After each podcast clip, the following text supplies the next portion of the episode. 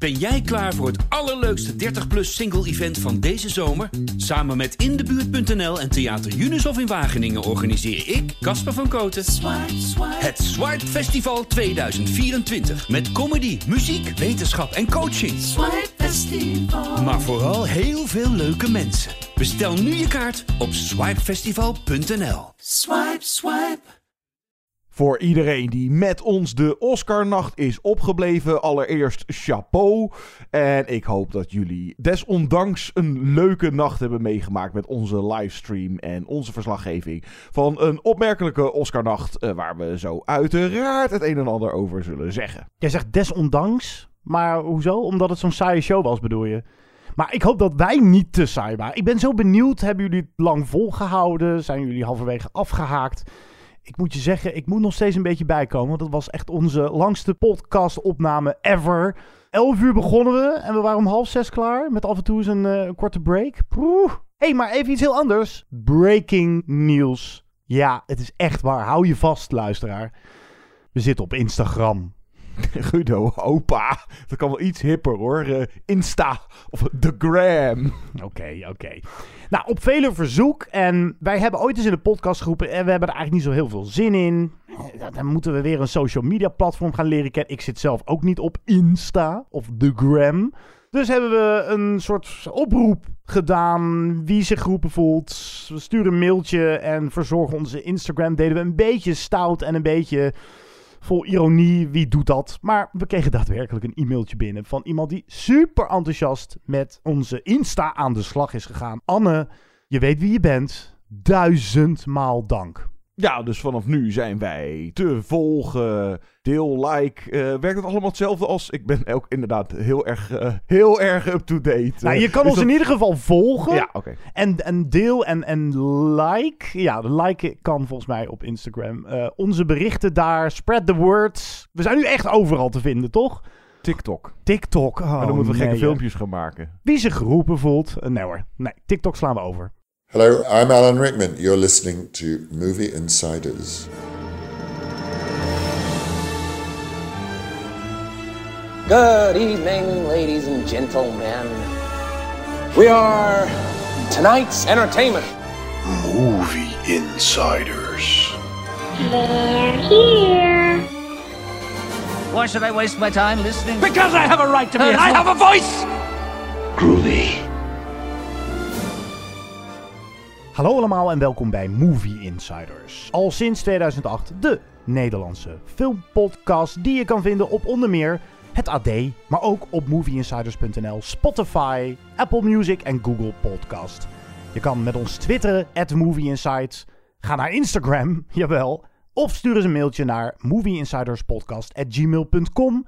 Mijn naam is Guido. En mijn naam is John. De Oscarnacht is geweest. Wij bespreken twee films die ook beeldjes wonnen. Waaronder de grote winnaar. Grote winnaar, ja, ja, grote winnaar Nomadland. En ook nog nu te zien op Amazon Prime Video. Promising Young Woman. Een provocerende, gewaagde, interessante film. En aan het einde doen we een nou, oude top 5 herbezoeken. Hij heette voorheen Best Picture Oscar winnaars. Nou, in het Nederlands gezegd is dat top 5 Oscar winnaars voor beste film. Dat, nou, iedereen snapt wat we bedoelen. Kijken of daar nog wat veranderingen hebben plaatsgevonden in een paar jaar tijd. Nou ja, misschien wel. Of zit er een nieuwe titel tussen. Maar laten we eerst eens even Kort terugblikken. eh, ja, nou ja. En het meest bijzondere van de Oscarnacht zat wel aan het einde. Toen gebeurde dit. So the nominees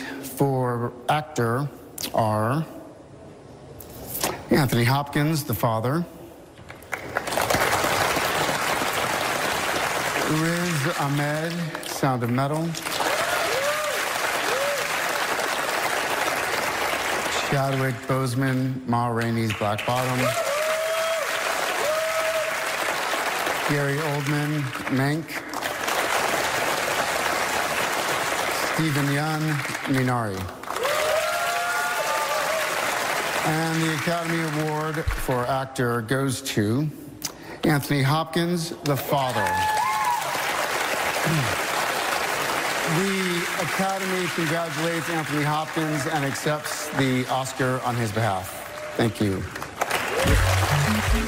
Ja, dat was een uh, onverwachte winnaar. Anthony Hopkins voor The Father. De hele wereld ging er namelijk vanuit dat postuum de Oscar zou gaan naar Chadwick Boseman voor zijn hoofdrol in Ma Rainey's Black Bottom, de Netflix-film. Ja, wij keken elkaar al aan daar in een bioscoopland venster. Dank voor het hosten van ons en het uh, ons voorzien van lekkere uh, M&M's en zo. En wij zijn de enige twee in Nederland die het op een bioscoopscherm zaten te kijken. Ja, dat is ook wel bizar. Volgens mij waren we überhaupt de enige twee in Nederland die op dat moment in een bioscoop zaten. Dat... Maar ineens was daar dus de beste film. En we keken elkaar aan, maar die show duurt toch nog een kwartier, twintig minuten. Het was al eerder raar ja. dat regie werd al veel vroeger uitgevoerd uitgereikt, dan die, die wordt ook altijd, altijd een van de laatste. Ja, maar die kan ik dan nog wel snappen. Maar in dit geval, het kwartje viel al snel bij ons. Maar wacht eens even, ze gaan natuurlijk beste acteur als laatst doen. Want die gaat, nou, zoals, daar ging de hele wereld zo'n beetje van uit, naar Chadwick Boseman. En dan eindigt deze merkwaardige Oscarshow in coronatijd met een mooi, passend, emotioneel slotakkoord. Het was natuurlijk gewoon niet de bedoeling dat Anthony Hopkins zou winnen. Dat was gewoon niet de bedoeling. Nee. En dat, dat levert dus de conclusie op dat de producenten van de show ook niet weten wie er gaat winnen. Nee, dat uh, inderdaad. Dit, dit was gewoon een grove inschattingsfout. En dat nemen de producers van de show wel kwalijk hoor. Dat kan je niet maken. Ik neem ze überhaupt heel veel kwalijk. Want de show, nou laat ik het zo. Ik, ik vond het eigenlijk niet eens een show. Het was gewoon geen show. Het was eigenlijk een. Nou, meer vergelijkbaar met de Golden Globes. Dat is ook altijd wat kleinschaliger. Met uh, nou ja, vooral acteurs en filmmakers onder elkaar. Gezellig in het. Nou, dit was een soort van ongezellige Golden Globes uitreiking. Dat idee had ik er een beetje bij. Maar kijk, ik kan me er nog wel iets bij voorstellen dat het in deze omstandigheden ook niet misschien helemaal gepast was om er een uitbundig showfestijn van te maken. hey, hoi, wij hebben een feestje, we gaan prijsjes uitreiken. Ja, spreekwoordelijke polonaise lopen. nee, oké, dat had ook weer niet gemo uh, gemoeten. Maar dit was eigenlijk weer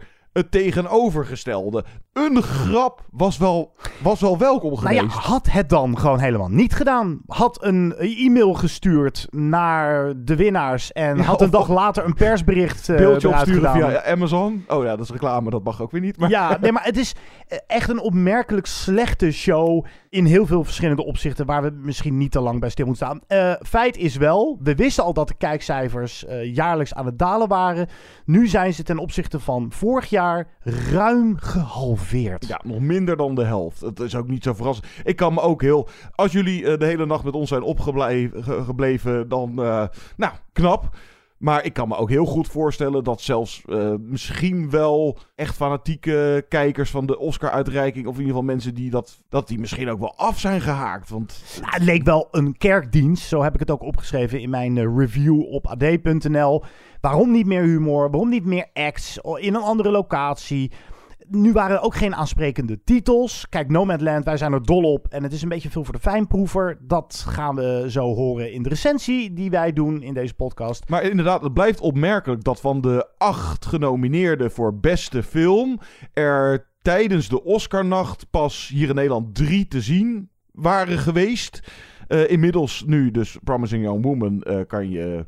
Die staat op Amazon. En nou, vanaf morgen staat Nomadland dan. Dus, dus nou, dan kan je er vijf van de acht. Dus dan zijn er nog steeds drie staan nog in de planning voor... Nou, vol, het is het volgende maand. Of die ja, maand en, en bijvoorbeeld de winnaar voor best, uh, beste international film. Dat is dus Druk of Another Round uit Denemarken. Die komt pas eind dit jaar ergens uit in de bioscoop. Dus ja, dat is ook maar weer Misschien dat ze hem nu wel iets vervroegen omdat hij uh, de Oscar heeft gewonnen. Het, het is allemaal up in the air. Nou ja, wat ik ook slecht aan vond. We, we, zagen niet eens clipjes. Op een gegeven moment was beste kostuums aan de beurt. En toen kwamen alleen de genomineerde hoofden in beeld van de personen die de kostuums hadden verzorgd. Laat die kostuums dan zien. Hoe zien de kostuums er dan uit in Ma Rainey's Black Bottom en Mulan?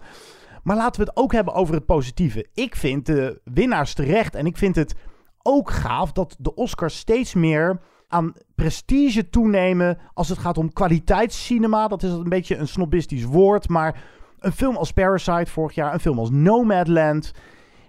het hoeft niet meer te gaan naar de grote epische films. Die worden ook minder gemaakt, dat weet ik.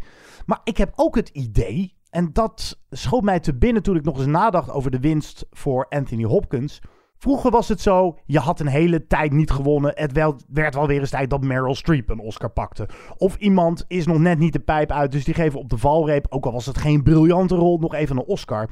Dat soort taferelen gebeuren gewoon niet meer. De nieuwe, meer diverse, meer jonge en meer internationale Academy, iets van 6 à 7000 leden geloof ik, wat meer dacht ik.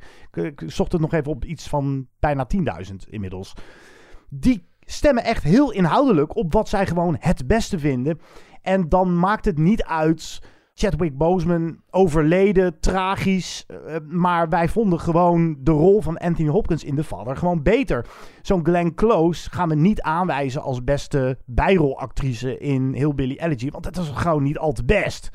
Dus dan moet zij het gewoon met die nominatie doen. Dus je hebt niet meer dat, die zeg maar politieke narratief nodig om te kunnen winnen. Snap je wat ik bedoel? En dat is echt aan het veranderen. Ja, en dat resulteert dus uiteindelijk in eh, een van de meest terechte Oscar-uitreikingen si- sinds, nou, sinds ik kijk zo'n beetje. Er zat echt daadwerkelijk Geen rotte appel tussen. Nee, er zat een, ook nou ja, een enkele shocker, maar dat viel dan wel ten positieve uit. Oh, dat hadden we niet verwacht. Die wint dus toch. Ik roep even Anthony Hopkins. Maar dat was absoluut terecht. En zo was er nog wel eentje die net bij een andere film belandde dan wij en de voorspellers hadden gedacht. Maar dat was, als je nu dan kijkt, dan is het echt, ik geloof, iedere Oscar die eh, won. Ja, dat is, dat is volkomen terecht. En de buit is volgens mij nog nooit zo verdeeld geweest. Nomadland, de, wat we zeggen, de grote winnaar. Nou ja, die heeft er drie dan. Beste film, beste regie. En ook best wel verras, nou ja, verrassend. Die categorie kon alle kanten op gaan. Maar Frances McDormand pakt haar Ja. derde Oscar voor beste actrice. Voor eh, dus Nomadland, de hoofdrol. En pakte ook nog een vierde Oscar als producente van de film. Ja, Dus ja, ja, het, eh, klopt ja. Heeft in één avond even de Oscars eh, verdubbeld. Maar andere films wonnen er eh, twee, zoals Judas and the Black Messiah. En er was één film die echt ook meedong voor de prijs, eh, hoofdprijs Best Picture. En die ging met lege handen naar huis. Dat was The Trial of the Chicago Seven. Was toch al mijn minst favoriete van de acht, moet Dat is ik zeggen. de enige van de acht die uiteindelijk niks heeft gewonnen. Want de rest, de andere zeven, hebben er of twee of één. Of allemaal wel iets. En uiteraard gebeurt er ook tijdens de meest saaie Oscarshow altijd wel iets. Ik vond eh, bijvoorbeeld Daniel Kaluuya, die op een gegeven moment het had over... dankjewel papa en mama dat jullie seks hebben gehad. En dan de reactie van die moeder en zijn zus... Ja, dat is nu al een meme op internet. Ja, daar kon je op wachten. Maar en dat was dan ook bijna het enige. de dankspeech van Jong, eh, Jong Jun Jong Ja. Voor Minari is ook ja, gaaf. Omdat dat, ja, dat, zo ben je een actrice in Korea. En zo sta je ineens in Hollywood. En krijg je een beeldje uit handen van Brad Pitt. En dan stamel je je een weg door zo'n speech. Dat was heel aandoenlijk om te Ja, zien. maar al met al, eh, nou zeker voor ons als kijkers was het echt een slaverwekkende show. Laat ik het even een show noemen. Maar je, ik, eh, dat viel mij ook op. Je zag het ook aan de mensen die daar aanwezig waren. Die zaten ook maar een beetje glazig voor zich uit te staren. En dan was de producer, of een van de producers van de show notabene, Steven Soderbergh. Ontslaan die hap en heel snel het format weer omgooien. Ook als we volgend jaar nog met een pandemie, een crisis te maken hebben. het- het- Je moet er in ieder geval wel leven in pompen. Ja, tegen die tijd, eh, als er dan nog steeds eh, die shit gaande is. Maar dan vind ik, dan mag je ook best wel gewoon een feestje ervan maken. I don't believe in competition. How, can I win Glenn Close? Win over Glenn Close? I've been watching her so many performances. So this is just uh, all the nominees, five nominees. Uh, we are the winner for the different movie, different. We play the different role, so we cannot compete each other. Tonight I'm here is just uh, I have just a little bit luck. I think maybe I'm luckier than you. And also maybe it's uh, American hospitality for the Korean actor? I'm not sure. But anyway, thank you so much. And uh, I'd like to thank to my two boys uh, who made me go out and work. uh. So, beloved son, all and Nur, it, this is the result because mommy worked so hard. And I'd like to dedicate this award for my first director, Kim Gi-young, who was very genius director. The I made a movie together with him, first movie. I think he would be very happy if he's still alive. Thank you very much. Tremendous thank you for the everybody. Nou, dit is hem dan. Eindelijk kunnen we hem met z'n allen legaal gaan zien. De winnaar voor de Oscar voor de beste film Nomadland, nu te zien op Disney+. Plus. Shall I compare thee to a summer's day? Thou art more lovely, more temperate. Rough winds do shake the darling buds of May, and summer's lease hath all too short a date.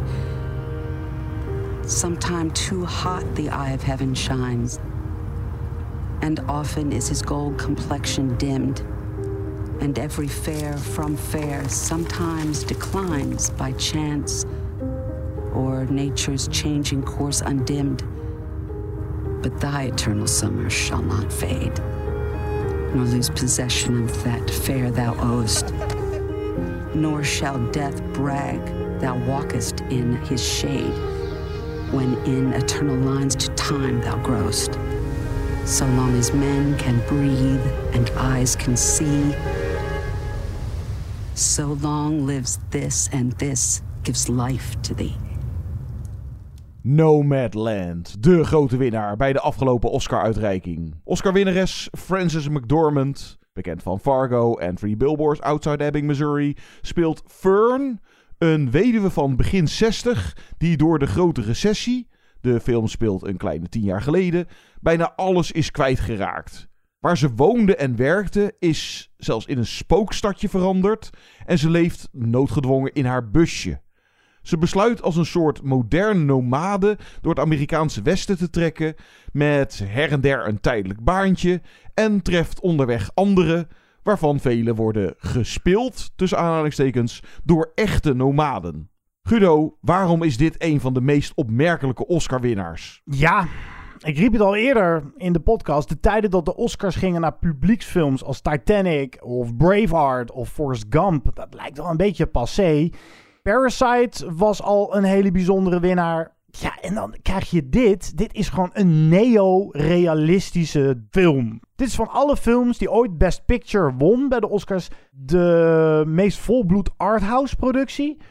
Ook omdat het een schets is meer dan dat het een heel duidelijk afgebakend verhaal vertelt. Er zit wel een plot in, maar je zou het ook wel plotloos kunnen noemen. Dit is zo'n film waarin momenten zitten dat de camera gewoon een beetje achter Fern, zo heet zij dus, aansluipt terwijl zij haar ronde doet langs nou, de, de, de, de geïmproviseerde camping, zou je kunnen zeggen, waar die nomaden op dat moment verblijven.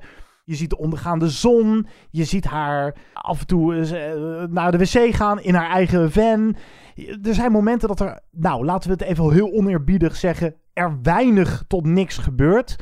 Maar dit is zo'n film die gaat voor het, nou laat ik het een beetje hoogdravend zeggen, voor het transcendente. Het is een bijna meditatieve film soms. Deze film gaat over een vrouw die zoekt naar puurheid, naar misschien zichzelf en naar een soort van verlossing. Het is een film over rouwverwerking, maar ook over de behoefte aan gemeenschapszin. En die Chloe Zhao verfilmt dat zonder dat er een heel duidelijk verhaal in zit dat van A naar B gaat. We mogen gewoon heel langzamerhand. We krijgen gewoon een inkijkje in dat leven. Alsof de camera er toevallig bij zit. En ja, een, een Oscar-winnende film is meestal iets met een heel duidelijk script. Ik heb het gevoel dat hier ook geregeld is geïmproviseerd. Dat zullen we niet, tenminste dat weet ik niet zeker. Het is ook gebaseerd op een boek. Ik heb dat boek niet gelezen. Maar het oogt zo uit het hart, zo authentiek. En het empathische van de regisseur vooral druipt van elke scène af. Zonder dat er allerlei hele grote kunstgrepen worden uitgevoerd. Misschien hooguit een piano-riedeltje te veel van de componist. Maar ach, dit is een hele pure, authentieke film. Die inderdaad geen interesse heeft. Een hele duidelijke antwoorden of een hele duidelijke statements over de personages. Je mag hier in verdwalen. Ja, en dus in heel veel opzichten uh, geen ja, publieksfavoriet. Nou was het uh, bij deze Oscar-uitreiking ook zo dat er was ook nou, was er überhaupt concurrentie. Uh, maar er was zeker geen Titanic-titel uh, of zoiets. Wat meer door het publiek. Of zo'n Green Book. Dus dan had je, wat was het, twee jaar geleden had je Green Book versus Roma. Nou zou je ook niet kunnen zeggen, dus van dit jaar wint de Roma. Dat is ook weer niet echt aan de orde, maar... Het is een hele andere soort film. Ja, ja, met, uh, ja, inderdaad. Arthouse, indie, kleine film, uh, minimalistisch. Het zijn de films die bij de Oscars vaak of, of, bijna altijd wel genomineerd worden, maar niet winnen. Eigenlijk de enige titel vergelijkbaar van de laatste nou, jaren die me zo uh, te binnen schoot was Moonlight. Dat was ook eigenlijk best wel een afwijkende titel. Deze is nog meer rauw realistisch. Nou, het is ook weer niet zoals bijvoorbeeld een uh, Ken Loach, de Britse regisseur van die sociaal realistische kitchen sink drama's. Dat is het ook weer niet. Het doet... Die het echt opneemt voor de underdog. Ja, ja. Nou, nou ja, de inhoud is zeker wel realistisch. En dat komt deels ook doordat je die echte nomaden erbij hebt. Maar het verschil met vergelijkbare films, of inhoudelijk vergelijkbare films, is dat deze veel sfeer en veel stijlvoller, of veel filmischer, zo kan je het ook noemen, is dan andere werken.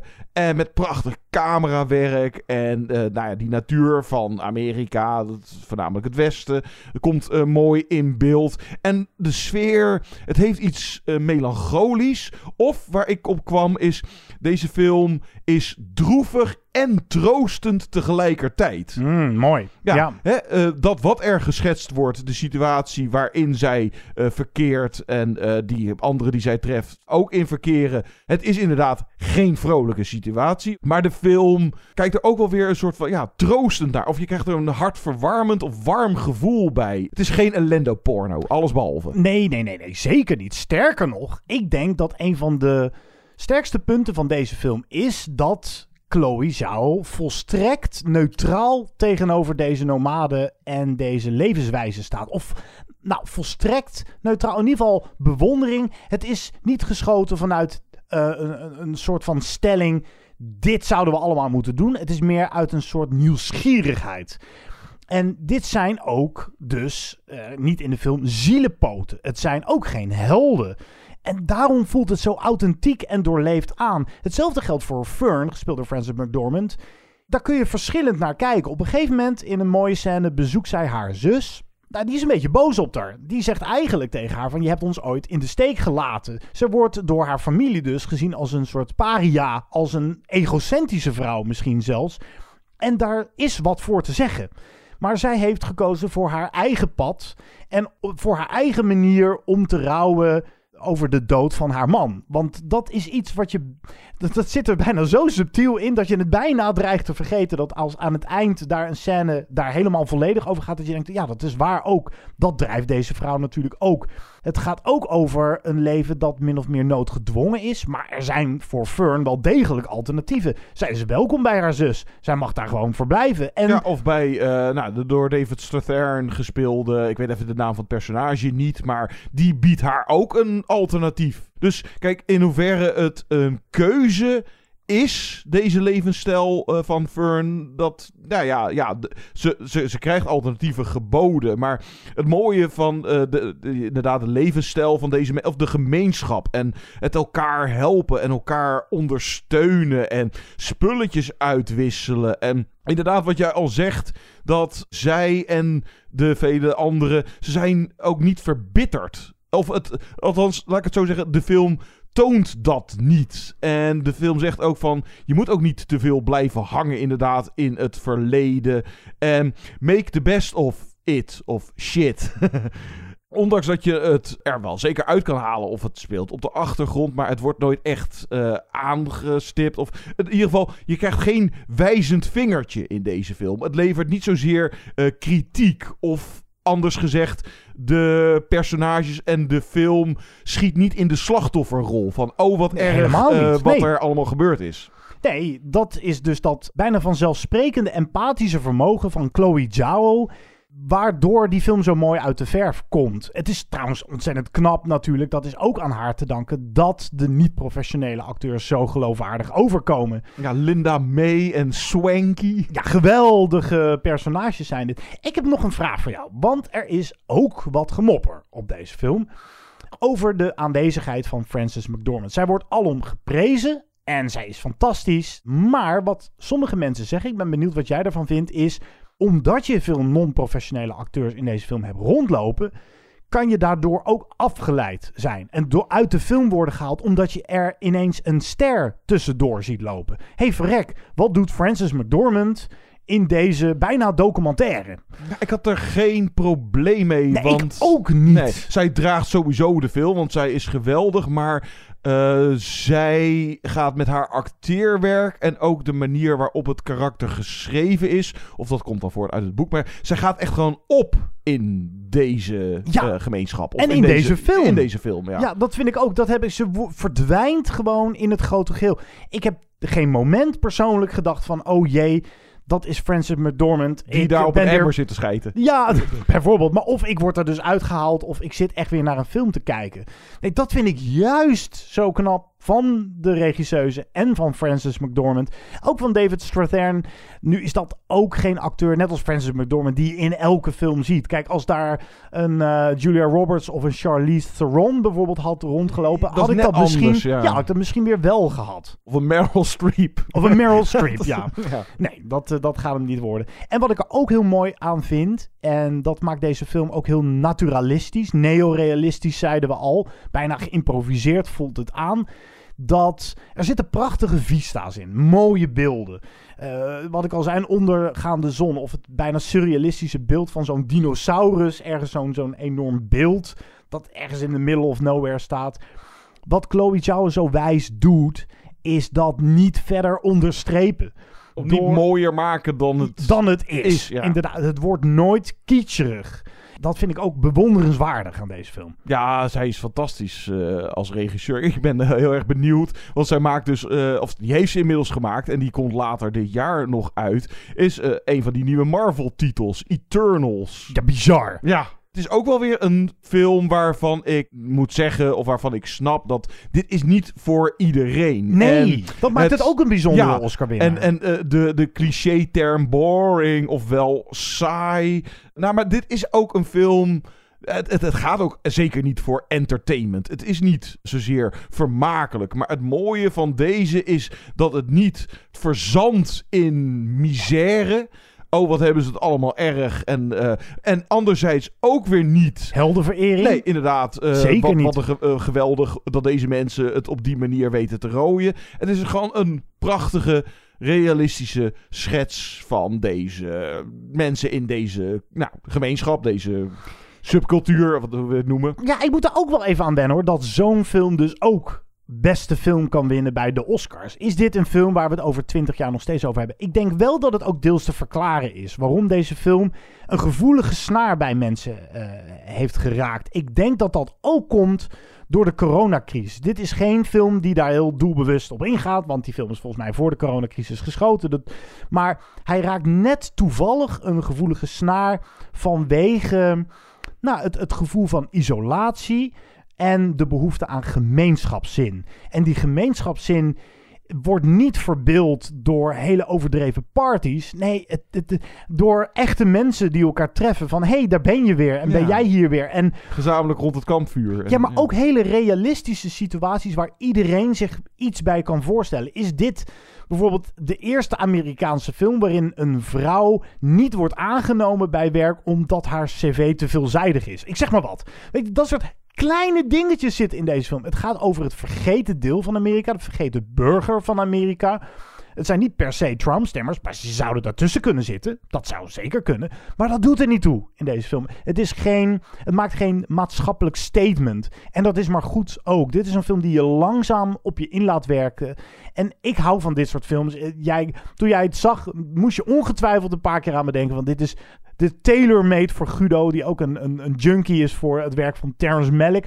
Dit is Terrence Malick minus de kitsch, misschien. Ja, minus de ik je- voice-over. eh. Ja, en bij Terrence Malick, eh, eh, nou, Tree of Life, The Thin Red Line. Ja, tijdens het kijken. Dit is echt zo'n Guido-titel, maar dit is ook echt wel een John-titel hoor.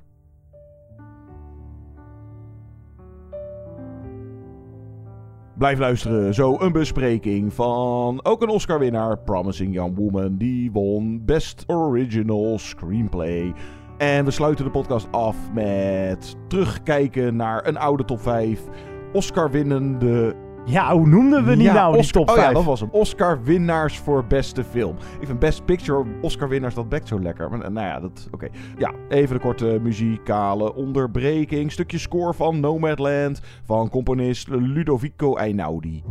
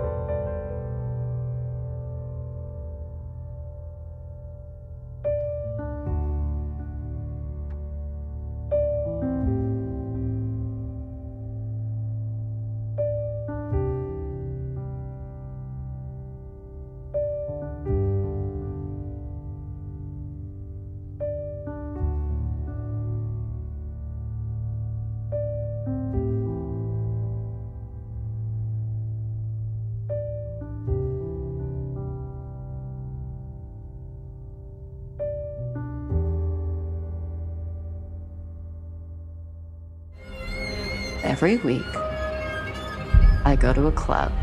I act like I'm too drunk to stand. And every week, a nice guy comes over to see if I'm okay. You okay? You are so pretty.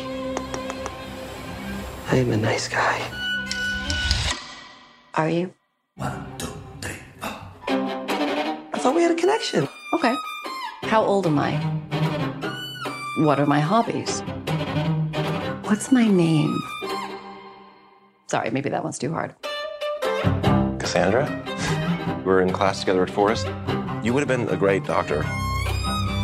What happened? I left under unusual circumstances. You remember what happened, right? Why I dropped out. I'm not the only one that didn't believe it. We get accusations like this all the time. Who needs brains? They never did a girl any good. I'm so sorry I didn't go with her. You gotta let it go.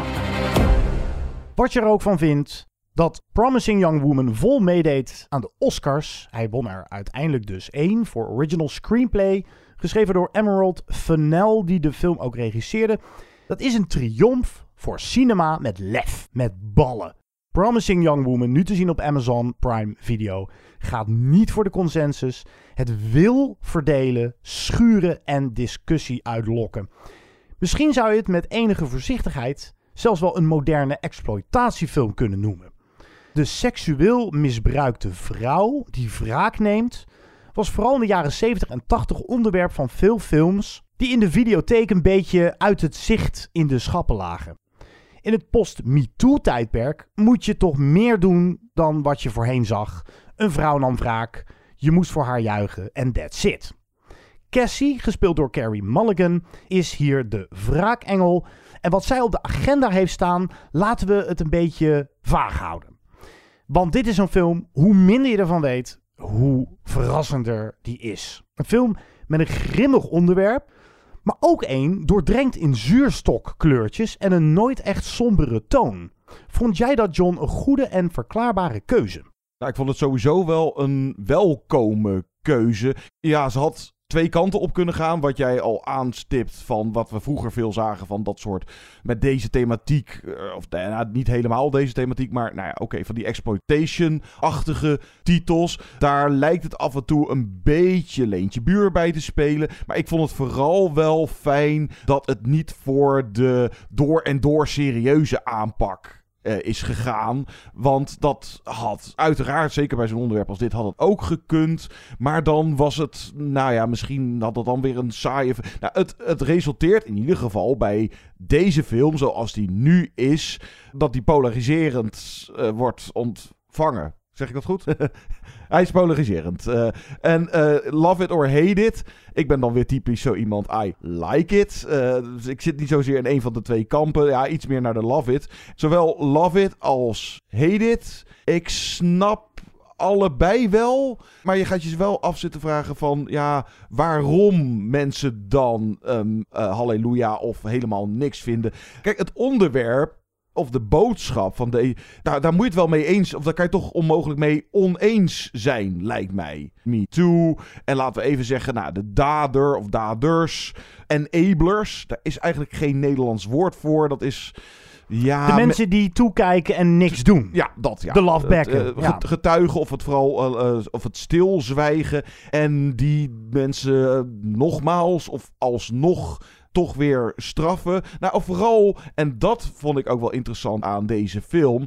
De reminder. Dat wordt ook aangestipt in deze film. Oké, daar is het dan zoveel jaren later. Maar nu, ik heb dat Me Too. Het is niet eens zo heel erg lang geleden. Maar het lijkt alweer iets van. Oh ja, dat was toen. Zo van alsof wij het als wereld of als mensen eh, al bijna weer vergeten zijn. En hier is het zij als wraakengel neemt het. Nou ja, hoe ze het doet, laten we, houden we even lekker voor ons. Maar, En waarom ze het doet, houden Ja. we ook voor ons. ja, maar dat je de dus bijna schokkende conclusie die je bij een aantal personages die daarmee te maken hebben gehad, die zijn het gewoon alweer. Oh ja, inderdaad, het is dat je me er nu aan herinnert. Kreng. Nou, ik ga eerst eens eh, even antwoord geven op de vraag die ik zelf stelde. Zijn die zuurstokkleurtjes en die allesbehalve sombere toon eigenlijk verenigbaar met de inhoud van de film, die nogal grimmig is dus. Want het gaat over inderdaad het post-MeToo-tijdperk. Het gaat over seksueel misbruik. Dat is gewoon het thema van de film. En het gaat niet voor de Schindler's List aanpak. Maar het is ook een film die een antwoord is op waar ik het net in mijn introductie over had. Die vele exploitatie-wraakfilms van vroeger. Waarbij je eigenlijk vooral als kijker een zekere catharsis moest voelen. Je moest eh, bevredigd de aftiteling halen. Zo van, yes, deze dame heeft wraak genomen en dat is maar goed ook. Een beetje, en dat was het dan. En deze film... Geef die- daar een draai aan. die geeft daar een draai aan door heel bewust volgens mij voor een bijna amusante toon te kiezen. Ook veel popliedjes zitten erin, ook eh, covers van bekende liedjes. Nou, die, die kleurtjes, die behoorlijk felle kleurtjes die echt van het doek spatten, op je scherm spatten bij Amazon Prime Video. Ja, van die En snoepkleurtjes. dat is dan, ja, zuurstokkleurtjes zei ik al.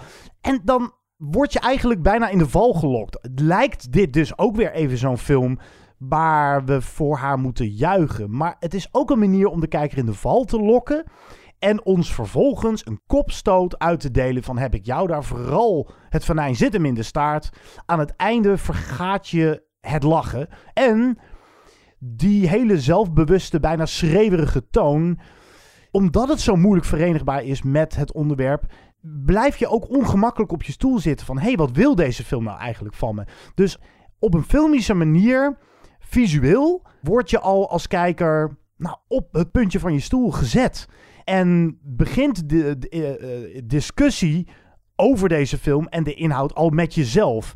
En het- ik vind dat een hele slimme en zelfs iets wat doortrapte manier van het opdienen van zo'n verhaal. En ja, Ja. dat, dat beviel mij enorm aan Promising Young Woman. Al kan ik me ook voorstellen dat dat mensen ja, tegen de haren instrijkt. Maar ik denk wel dat ik het op deze manier kan verklaren. Het is een provocerende manier om de kijker die, die hier iets te veel van smult, ook een lesje te leren. Zoiets. Ja, inderdaad. En om, nou ja, misschien de kijker wakker te houden, dat eh, is maar net. Ja, maar dan denk jij dus dat het een, een manier is om een film over zo'n moeilijk onderwerp in ieder geval ja, Ja, dat- dat- watchable te houden Ja, of zo? nee, eh, ik heb dat ik niet, denk maar dat dat het echt een inhoudelijke keuze is Ja, nee, voor absoluut. mij, eh, je zou criticasters kunnen hebben die inderdaad zeggen van... ja, je moet het allemaal op deze manier zo smakelijk serveren... omdat eh, je op die manier... Ja, In ieder geval een groter publiek bereikt en de aandacht vasthoudt of zo. Eh, ja, het- zo, zo- zoiets. Ik Het, snap eh, ik, wel. ik vind het onterechte kritiek, want eh, ik sluit me helemaal bij jou aan. Kijk, ja, dat visuele, dat met die felle kleurtjes, wat je ziet in de aankleding, haar pruik, of ook zelfs de belichting met wat van die neonlichten. En je zou kunnen zeggen, het, soms een beetje, naar kitscherig is juist wel het leuke, als je haar thuis. Zij woont, ze is 30 inmiddels. Eh, ze wordt ook nog jarig. En dan krijgt ze een eh, verjaardagscadeau van haar ouders. Heel symbolisch. Een koffer. En wordt het niet eens tijd om het huis te verlaten. En ze wordt echt. eh, oh ja. Oh, ik ben jarig. Ze was daar totaal niet mee bezig. Maar ja, zij woont nog thuis. Ze heeft ook nog geen relatie. heeft een baantje in een koffiebar. Het is allemaal niet heel erg. Later in de film vindt er dan. Dat kan ik nog wel. Nou ja, verklappen is het niet echt zo. Maar er vindt wel een omslag punt ook bij haar plaats van ja, het is nu wel even genoeg geweest. Moet ik niet toch ook gewoon mijn leven gaan leiden Ja. als jonge meid Ja, waar mannen in geïnteresseerd zijn? Ja, klopt. Inderdaad, dat het wordt weer eens tijd om dit naast je neer te leggen en je leven weer op te pakken. Maar dan, nou oké, er gebeurt wel weer iets wat door het toch weer wordt aangewakkerd. Of als ik de film zou moeten samenvatten, of deel van de boodschap of het thema is... Ik ben getekend voor het leven of ik loop met een trauma rond. En jullie niet. Wacht even, dat is niet de bedoeling. Of jullie zijn het, wat ik dus al eerder zei, jullie zijn het alweer vergeten. Wacht, ik zal het eh, jullie wel eens even aan herinneren eh, wat er gebeurd is. En het is zeker van deze tijd. En het moet ook urgent blijven. En met wat moderne insteek, wat moderne hippe muziek erin en zo. Prima. En qua toon, ja, dat is het interessante. De aanpak, de toon. En je zou kunnen denken van ja, is het een beetje all over the place. Maar dat is volgens mij ook alweer bewust gedaan. Want het is drama. Soms op een gegeven moment ook wel weer thriller, satire, eh, zwarte comedy. Het zal ook maar net weer per kijker verschillen. Je kan hier ook niet om lachen. Maar ik vond dat switchen tussen genres en tussen toon, die afwisseling. Maar überhaupt was deze film ook gewoon door zijn visuele stijl en door zijn vertelstructuur en door de manier van hoe het gemaakt en geacteerd. Het is prikkelend en hij blijft spannend en je blijft echt als kijker ja, inderdaad een soort van op het puntje van je stoel. Oké, het is dan niet altijd perfect gedaan, maar dat is ook lastig om dat zo goed te kunnen balanceren. En misschien merk je dan ook wel dat dit een debuutfilm is, dat je ja, daar nog niet zo bedreven in bent. Eh, in ieder geval inderdaad zeggen, ja, de film is niet toonvast, nee. Nee, nee, nee. Dat eh, vind ik niet zo erg. Ik heb liever een iets wat slordige film die wat durft en wat probeert, dan een hele belegen, degelijk gemaakte film. En dan valt deze echt in die eerste categorie voor mij. En ik vind dat Emerald Fennell ook wel degelijk aan beeldcompositie hele interessante dingen doet. En eh, het is ook een film die over meer gaat dan rape, revenge of eh, vrouwen die wraak nemen op de simpele, oppervlakkige, te geile man. Het is ook een film over de liefde, als je goed kijkt. En niet per se over de liefde tussen een man en een vrouw. Het gaat over, ja, het- ik dans hier om de spoilers heen. van liefde, ja. ja, Ja. en dat vond ik er heel bijzonder aan, want dat zie je veel te weinig in films. Maar goed, discussieer met ons na op Twitter of eh, stuur ons een mailtje. Misschien moeten we eens een keer een spoilerblokje inlassen in een volgende podcast. Want wat ik wel heb, is dat de beetje doorgewinterde filmkijker sommige twists die erin zitten wel kan voelen aankomen. Maar het einde, zonder het te verklappen nogmaals, ik had niet gedacht dat de film de ballen zou hebben om het daadwerkelijk te doen. Dat is echt opmerkelijk aan een film die ook gewoon meedeed aan die conservatieve Oscars. Of wat vroeger de conservatieve Oscars waren. Dat vind ik echt te prijzen. Eh, daar wordt de film ook eh, op aangepakt. De film wordt ook aangepakt op een gebrek aan realisme. Zeker in dat slotakkoord. Maar ja, dan denk ik, of dan verwijs ik weer naar die hele dik aangezette toon. Het is een film. Het gaat niet per se voor hyperrealisme. Het gaat voor ook de metafoor. Het gaat ook om een vertelmanier om jou bij de les te houden en om jou dat lesje misschien wel te leren. wat ik al zei. heel serieus onderwerp op de niet helemaal serieuze manier gebracht. Ze verloren hem Oké, okay, Francis McDormand ook natuurlijk prima hoor. Dat uh, was ik ook wel misschien voor gaan. Maar Carrie Mulligan, hallo zeg.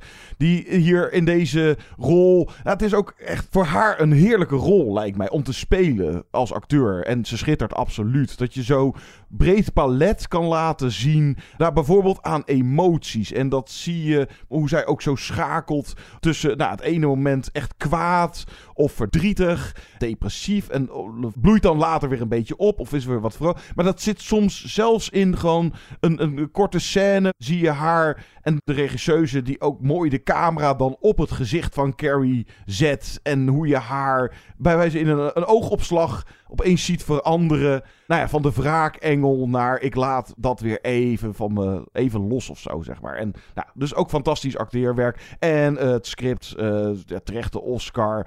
En fijne dialogen. En hij is ook ja, zeker wel verrassend absoluut geen saaie of conventionele film. Dit is echt provocerend en gewaagd. En van, nou, in ieder geval de titels die ik tot nu toe dit jaar gezien heb, de film waar ik het meest benieuwd naar ben, hoe die een tweede keer valt. Ja, zo, inderdaad. Maar ik heb het vermoeden dat er meer verstopt zit, wat ik net al zei, in deze film dan slechts een rape-revenge verhaal. Waardoor er lagen misschien aan de oppervlakte komen bovendrijven bij zo'n tweede kijkbeurt. Een film met ballen. Geen perfecte film, maar met ballen. Thank God, ze bestaan nog. Even iets van een stukje van een song uit. Er zitten lekkere nummers in Promising Young Woman. Waaronder een soort van beetje psycho cover van Toxic van Britney Spears. Ja, ik vond dit een geweldige fonds. Hoe je een song van Britney Spears op zo'n manier kan verdraaien. Dat je er soort ijzingwekkende uh, laag kippenvel van krijgt. Het is uh, ja, geweldige keuze. De screeching noises van Britney Spears. Toxic? Check it out.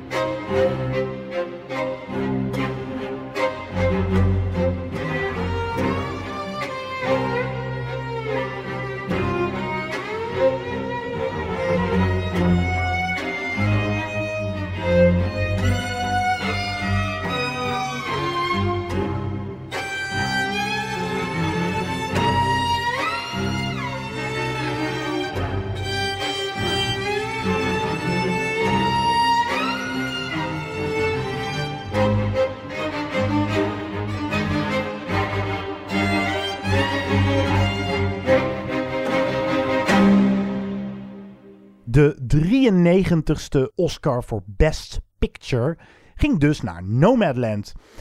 Wat waren die andere 92 ook weer? Nee, we gaan ze niet alle 92 noemen.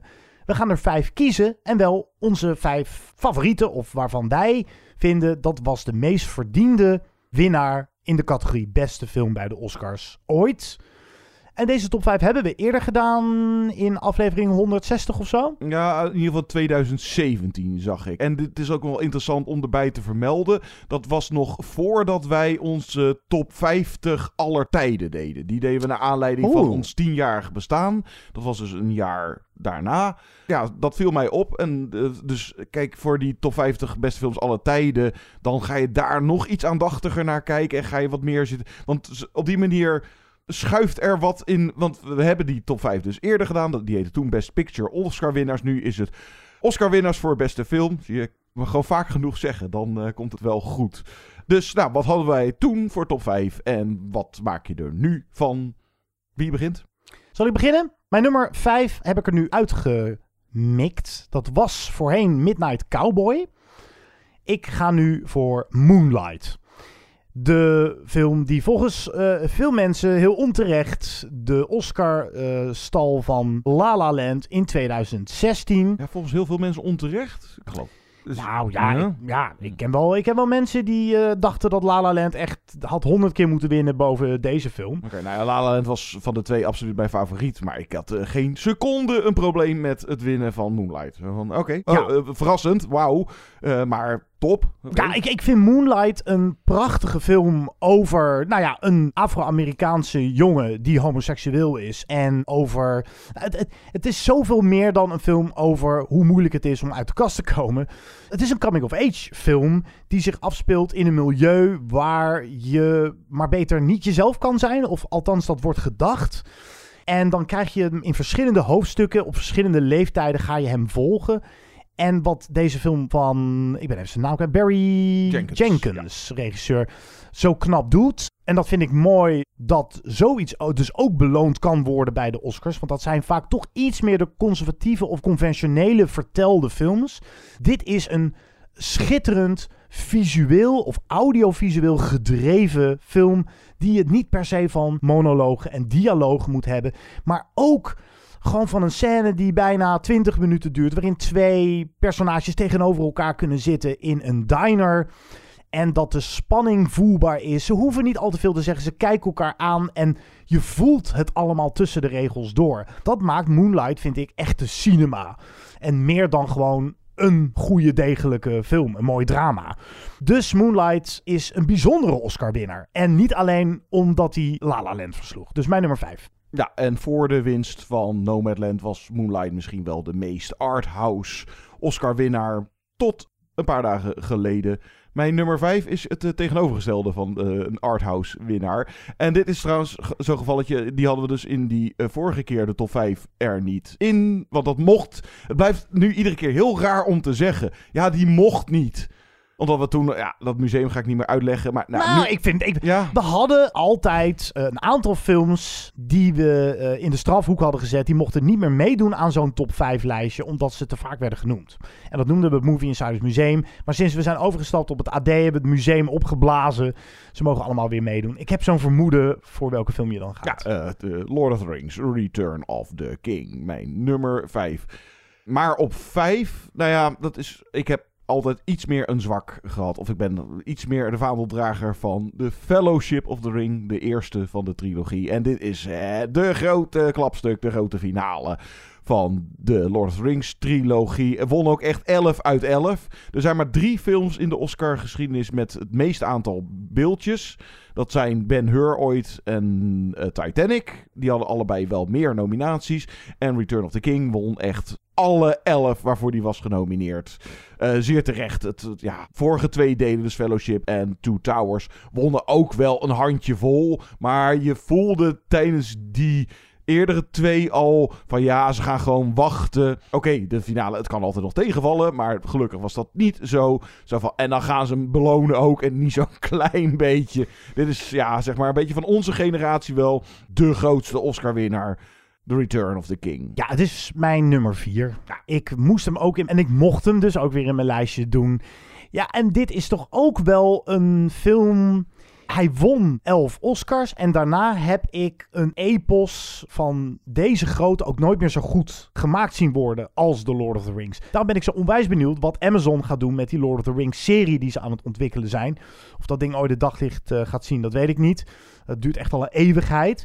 Maar ik ga het gewoon toch nog maar eens zeggen. Uh, dat Lord of the Rings zo'n perfecte balans heeft tussen het visuele. Uh, het ziet er waanzinnig ja. mooi uit. Maar het is ook een film die nooit vergeet waar het echt over gaat. Over vriendschap of over bedrog. Over het redden van de wereld. Het is ook een emotionele film. Ik kan nog steeds niet uh, de finale van The Return of the King kijken zonder niet op zijn minst één keer vol te schieten. Ja, uh, een van de zeven of acht keer. Uh. Ja, dat was altijd de kritiek hè, op The Return of the King. Er komt maar geen einde aan. Er zijn iets van zes of zeven climaxen. Ik heb dat altijd verdedigd. Ik zat drie jaar lang in, de, in een soort van roes met Lord of the Rings. Ik vond dat ik het als kijker verdiend had. Dus uh, ja. Nee, ja, en als je dan bij climax, climax 1 of 2 al begint te janken, dan zit je ook gewoon de rest door te pruttelen. pruttelen. Even kijken hoor. Ik had uh, voorheen op vier. Uh, die had er, je moet uh, keuzes maken. All About Eve had er absoluut nog wel in gekund. Maar ik ga toch voor Parasite. Omdat dat nou, sowieso misschien wel uh, een van de, of de opmerkelijkste Oscar-winnaar aller tijden. Nou ja, het was in ieder geval voor het eerst dat er een film niet Engelstalig gesproken won. Ja, oké, het is een Koreaanse film. Maar dit moet toch iedereen gaaf vinden, lijkt mij. Het is zo'n, eigenlijk een hele toegankelijke film. Zwarte comedy, drama, thriller, alles in één. Eén grote genre mix en spannend. En eh, je weet vaak niet waar het heen gaat. En satire en nou ja, geweldig. Dus uh, van de laatste jaren qua Oscar-winnaars dan uh, mijn favoriet Parasite. En op er gewoon maar in, joh. Mijn eerdere nummer 4 is nu een plek opgeschoven naar nummer 3. Het is No Country for Old Men van de gebroeders Coen.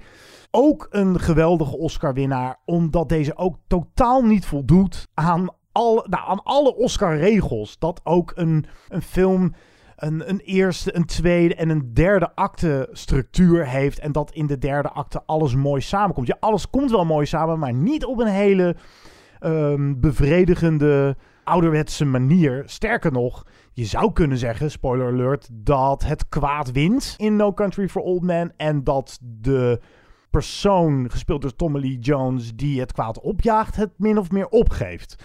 Dat alleen al, als je daarover nadenkt, en dat zo'n film dan de Oscar voor beste film kan winnen, vind ik echt waanzinnig. En het is ook nog steeds zo'n geniaal gemaakte film. Alle goede films van de Coen Brothers hebben dat. Hoe ernstig ze ook lijken. Er, zit toch ook altijd een soort van duistere komische ondertoon in. En eh, ja, dit is echt een klassieker voor de eeuwigheid. Dat heeft de Oscar Academy goed aangevoeld. Want dit was volgens mij geen gemakkelijke keuze. Nu was er ook weinig concurrentie misschien. There Will Be Blood. Ja, maar There Will Be Blood was ook al geen makkelijke film om die te bekronen met een Oscar voor beste film. Dus ik, ze konden hier niet onderuit de Coen Brothers konden ze eindelijk een keer echt belonen met zo'n prachtige, prestigieuze prijs. En terecht. Ja, nee, uh, modern meesterwerk. Absoluut. Uh, mijn nummers 3, uh, 2 en 1 ga ik iets mee schuiven. Wat ik voorheen op 3 hou ik even stil. Maar nu op 3 uh, het epos Lawrence of Arabia uit 1962 van regisseur David Lean. Die eerder ook al een film van won, The Bridge on the River Kwai. Ook een heerlijke film. Maar ja, Lawrence of Arabia. Een van de epossen der epossen. Die zandfilm. Die grote zandbak. Die, zand. die grote zandbak. ja, hij is lang. Hij duurt uh, ja, zeker drieënhalf uur. Maar dit is ook echt een staaltje cinema zoals... Uh, bijna ook niet meer worden. Hier zitten echt van die vista's in, uh, van die shots. En hoe Omar Sharif uit de woestijn komt aanrijden. En hoe ze met, nou ja, legertje, uh, met al die paarden en daar bestormen een stad. En ja, het is prachtig. Ja, en, maar het is ook in psychisch opzicht een, een best wel een complexe karakterstudie. Ja, het is dat geen... vind ik altijd wel leuk om even te vertellen ja. bij een film als Lawrence of Arabia, die, die bij wij... ons in het geheugen zit als vooral een epos met mooie beelden en veel figuranten in het tijdperk dat de computers nog niet uh, over uren draaien. Ja, inderdaad. Uh, we hebben hem ooit ook besproken als uh, klassieker. En dan zie je inderdaad dat Lawrence of Arabia zoveel meer is dan groot, episch, mooie plaatjes. En het, het gaat echt over, nou, in dat opzicht ook een van de beste biografische films aller tijden. Mijn nummer 2 is The Godfather 2. Nog steeds een van de meest bijzondere Oscar-winnaars. Al was het maar omdat het een sequel betreft. En het is ook de beste sequel ooit gemaakt, denk ik. En ook een die wel, vind ik althans, dat blijft de eeuwige discussie onder filmfanaten. Ik vind het ook echt de betere van de twee. Een volmaakte film. Als deze de Oscar niet had gewonnen dan had je de Oscar daarna nooit meer serieus kunnen nemen, bijna. En dat is zo mooi dat een film kwalitatief zo goed is dat iedereen dat moet erkennen. Ook al is het een nummer 2. Uh, snap je wat ik bedoel? De, hier heb je natuurlijk ook gewoon de laag van de flashbacks met Robert uh, De Niro als de jonge Corleone op latere leeftijd gespeeld door Marlon Brando. En dat is eigenlijk zo'n fascinerende verhaallijn die zo mooi samenkomt met het heden. Jammer dat het in de derde Godfather weer een beetje werd verpest. Maar die, laten we die maar voor de gelegenheid vergeten. Mijn nummer 2 ook, Godfather Part 2. Hey. Die wij in de eerdere editie van deze top 5 allebei op één hadden staan. Ja, Uh, ja, inderdaad. Ik geef ook net wel de voorkeur, uh, of net aan, ja zeker, de voorkeur aan uh, part 2 over de eerste. Omdat, nou dat heb ik altijd ook zo fascinerend aan deze gevonden. In de eerste zit het een klein beetje, maar deze duikt ook echt een beetje de psychologie in. Van hoe is het om als maffiabaas en consequenties die dat heeft. En uh, ja, familieleden die je misschien wel moet afknallen omdat ze je verraden hebben. En hoe Michael Corleone, hier dus wederom gespeeld door Al Pacino, aan het einde van deze film. Wat is er nog over van die grote maffiabaas die heel alleen achterblijft in zijn landhuis? Het uh, ja, blijft fantastisch. Dan jouw nummer 1. Ah, die Ja. weet ik en jij die van mij ook wel. Maar Oh, is dat zo? jawel, dat. Weet we ik, weet ik welke film jouw nummer 1 heeft gehaald? Ik twijfel. Mijn nummer 1 is Parasite. Oh. Ja. Hè? Wat heb je met Silence of Lambs gedaan? Ja, die heb ik er voor de verandering maar eens uitgeknikkerd. Oh, oké. Ja, ik Parasite, denk... wauw, oké. Ja, ik ben deze keer ik ben echt iets meer gegaan voor wat echt een bijzondere... Nou ja, The Size of the Lambs is ook een hele bijzondere Oscar-winnaar. Want ik geloof dat het zelden voorkwam eh, daarvoor, maar ook daarna. Dat is steeds de enige horror die ooit... Ja, als je het een horror noemt. Als je het een horror kan noemen. Eh, maar het is zoveel meer dan een horrorfilm natuurlijk. Size of the Lambs. Met Jodie Foster en eh, Anthony Hopkins. Dat was een... Ja, hij won zojuist de tweede Oscar 30 jaar, bijna 30 jaar na dato. Zeg ik dat goed? Exact 30 jaar later. Oh ja, kijk eens aan. Maar ik ga dus voor Parasite, omdat het de meest bijzondere Oscar-winnaar is. En dat zei jij nog niet, maar daar ging ik vandaag eens over nadenken. Wat als het nou geen Koreaanse film was geweest? Dan was het ook een bijzondere winnaar geweest. Als dit gewoon een Amerikaanse film was. Wat een beetje een gekke, gek gedachte-experiment is.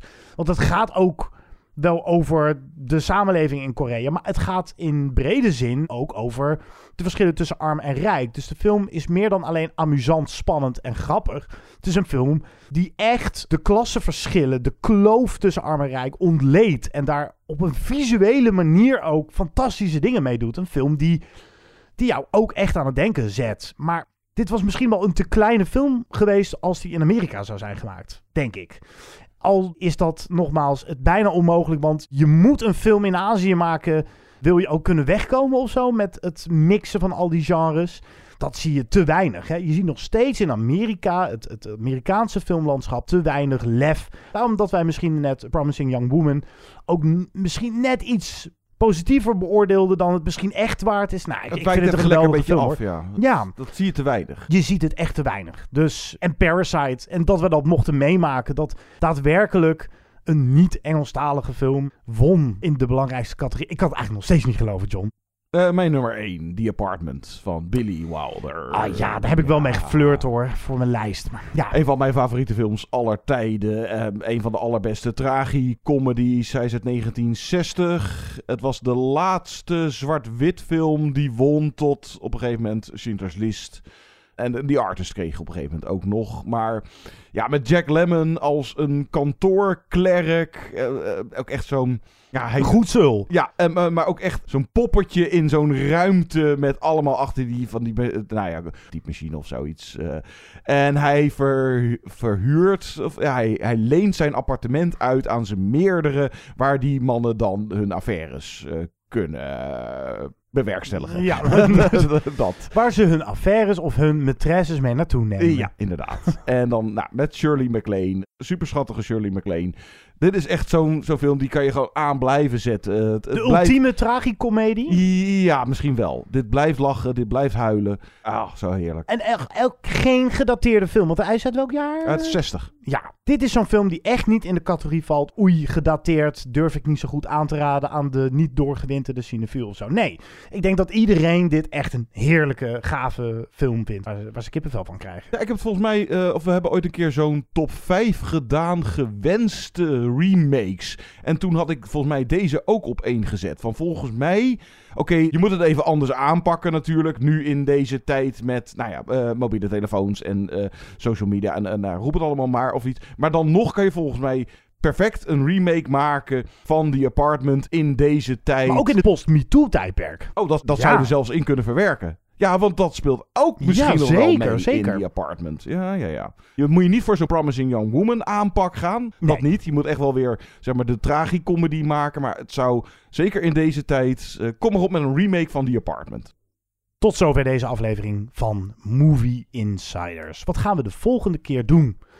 Ja, er, er komt nog steeds wel het een en ander aan spul uit op VOD. Op Netflix bijvoorbeeld. Een animatiefilm The Mitchells versus The Machines. En misschien kunnen we kort nog even stilstaan bij Without Remorse. Dat is, dat gebeurde vooral in de jaren negentig veel, een Tom Clancy boekverfilming. Met in dit geval Michael B. Jordan. En er wordt best wel wat reclame eh, voor gemaakt. Overal, je ziet ook steeds trailers en teasers op televisie voorbij komen. Benieuwd wat dat voorstelt. En misschien halen we nog wat andere titels. Ik heb, ik heb nog een, eh, een horrorfilm gezien met Amanda Seyfried. Things Heard and Seen. We gaan er een mooie show van maken.